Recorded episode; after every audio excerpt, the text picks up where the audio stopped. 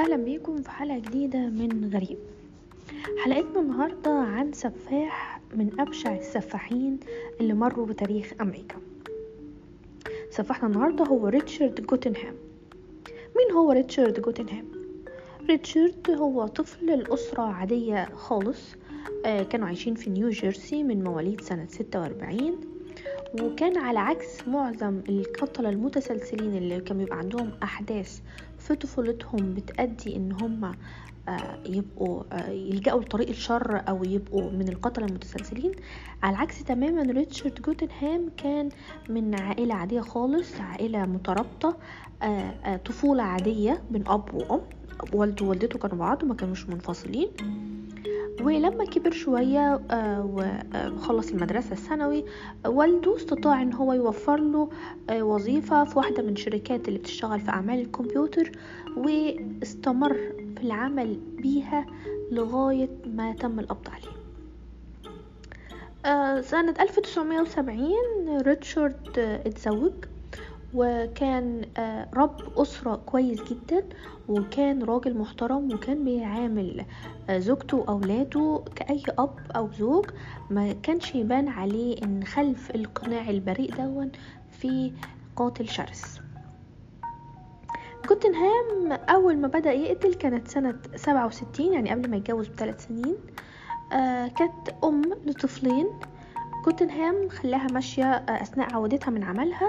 ومشي وراها بعدين قتلها ومثل بجثتها ولما اتقبض عليه بعد كده قدام بعد ما خلص دورة القتل بتاعته ما ابداش أي أسباب إن هو قتل السيدة دي ليه من دون الناس كلها ما كانش عنده أسباب. هي فقط الست دي كانت موجودة في المكان والزمان الخطأ وحظها العاسر وقعها في طريق كوتنهام آه بعد الموضوع ده بكام سنة كان ساعتها اتجوز بقى ريتشارد جوتنهام. جه آه إخبارية للمطافي إن في آه بناية فيها حريقة كبيرة جدا عن تايم سكوير في نيويورك.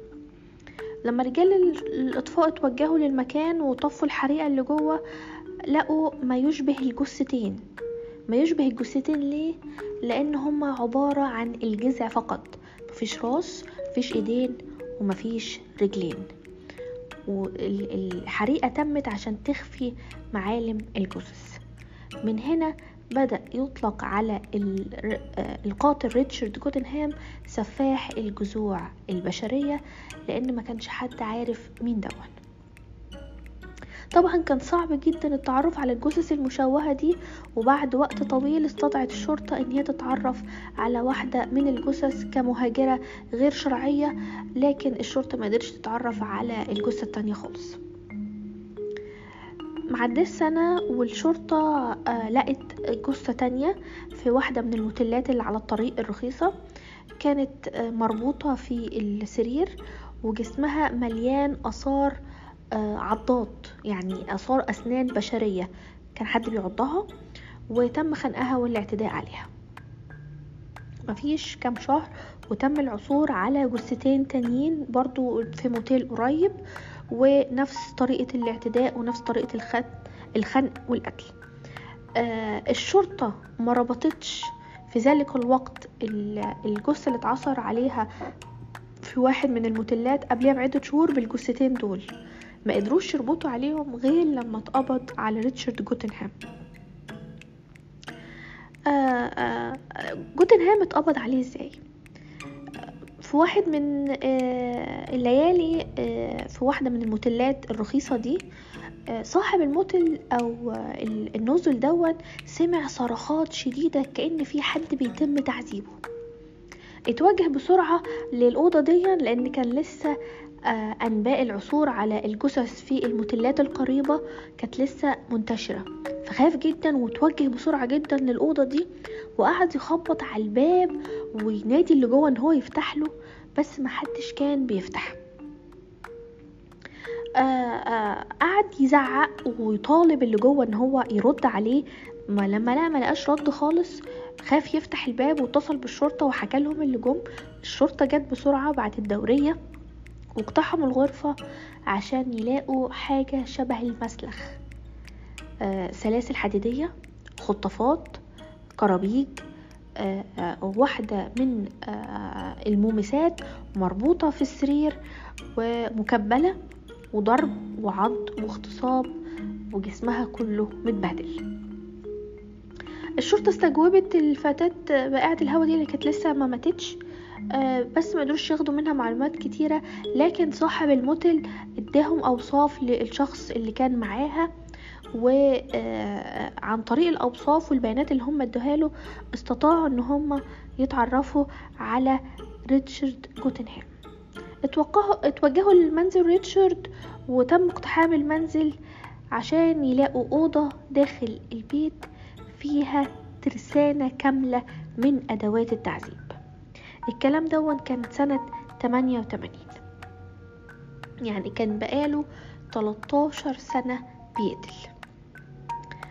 آه في اعترافاته ما كانش بيدي أي أسباب اللي هو كان بيقتل الناس دي ليه والسيدات دول إيه اللي بيجمعهم لأن ما كانش في رابط بينهم.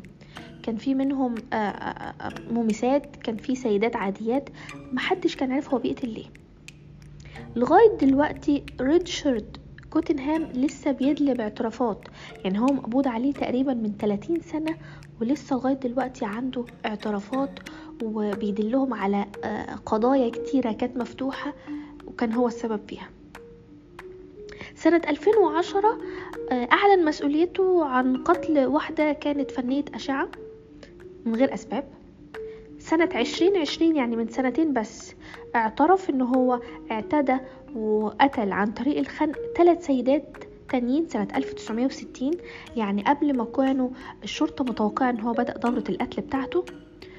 لغاية السنة اللي فاتت سنة 2000 2021 قام بالاعتراف من مسؤوليته عن الخطف والاعتداء برضو على اتنين من مراهقات سنة 74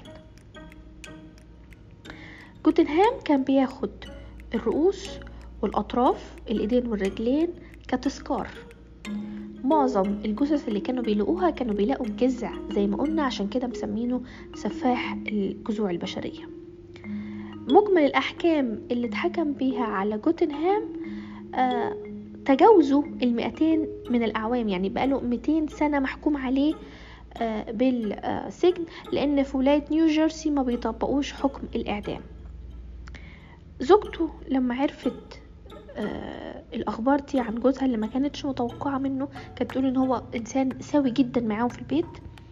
آه آه رفعت عليه قضية طلاق وسابته واخدت عليه كمان حكم بعدم التعرض لأن هي قالت آه أنا ما بقتش مصدقة مين دون آه في واحدة من شهادات الضحايا بتوعه آه كانت بتقول إن هو لما كان بي بيحاول يقتلها بيقول لها آه انتي مومس ولازم يتم معاقبتك. طب دي وإحنا قلنا إن هي كان بيعتدي على آه مومسات وبيقتلهم. لكن زي ما قلنا كان في ناس تانية كانت سيدات عاديات ربة أسرة وفنية أشعة مراهقات يعني كان في ناس ملوش نمط معين. عدد الضحايا اللي تم إثباتهم فقط على ريتشارد كوتنهام كانوا 11 لكن جوتنهام بيقول إن عدد ضحاياه ما بين 80 ل 100 ضحية. هل ريتشارد هيكمل الاعترافات؟ إحنا بنقول الواحد وعشرين بس السنة اللي فاتت معترف بإغراق ثلاث فتيات. آه مؤخرا آه آه اهتمام الصحافة زاد تاني بجوتنهام عشان علاقة الصداقة الغريبة اللي نشأت بينه وبين واحدة من أبناء ضحاياه. فتاة شابة من أصول إيرانية هجرت أمريكا مع عائلتها وهي طفلة اسمها ديدا. كانت بتشتغل مومس وأنجبت طفلة وبعد كده سابتها وعرضتها للتبني واحد من زباين ديدا اللي إحنا قلنا كانت شغالة مومس كان جوتنهام. وفي ليلة من الليالي بعد ما هو كان المفروض زبون عندها قرر إن هو يقتلها وبرضه زي ما قلنا قطع إيديها ورجليها ورأسها وحرق بقية جثتها وأخد الراس معاه وهو ماشي. لغاية دلوقتي الراس دي محدش يعرف مكانها فين. بعد سنين طويلة ديدا اللي كان مامتها ابن الديدا اللي كانت أمها عرضتها للتبني كان اسمها جينيفر آه، استطاعت إن هي تتوصل لهوية والدتها وعرفت إن هي اتقتلت على يد آه، جوتنهام.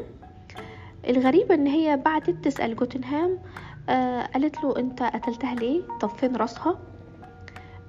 وابتدت من هنا علاقة بريدية كبيرة ما بين جينيفر وما بين جوتنهام وبعد كده بدأت تقابله. وبمرور الوقت نشأ بينهم صداقة غريبة. آه وناس كتيرة بيشوفوها صداقة شاذة بين واحد قتل آه والدتك وبين وبينك. آه جوتنهام اعتذر لجينيفر جدا وقال لها إن هو ما كانش قادر يتحكم في غريزته اللي كانت بتدفعه للقتل. وإن هو دفن آه، راس والدتها تحت واحد من الجسور لكن آه، الشرطة لما آه، بحثت عن الموقع اللي اداه جينيفر لقيته مفيش أي حاجة موجودة. ولغاية دلوقتي علاقة جينيفر قاتل والدتها مع قاتل والدتها مستمرة.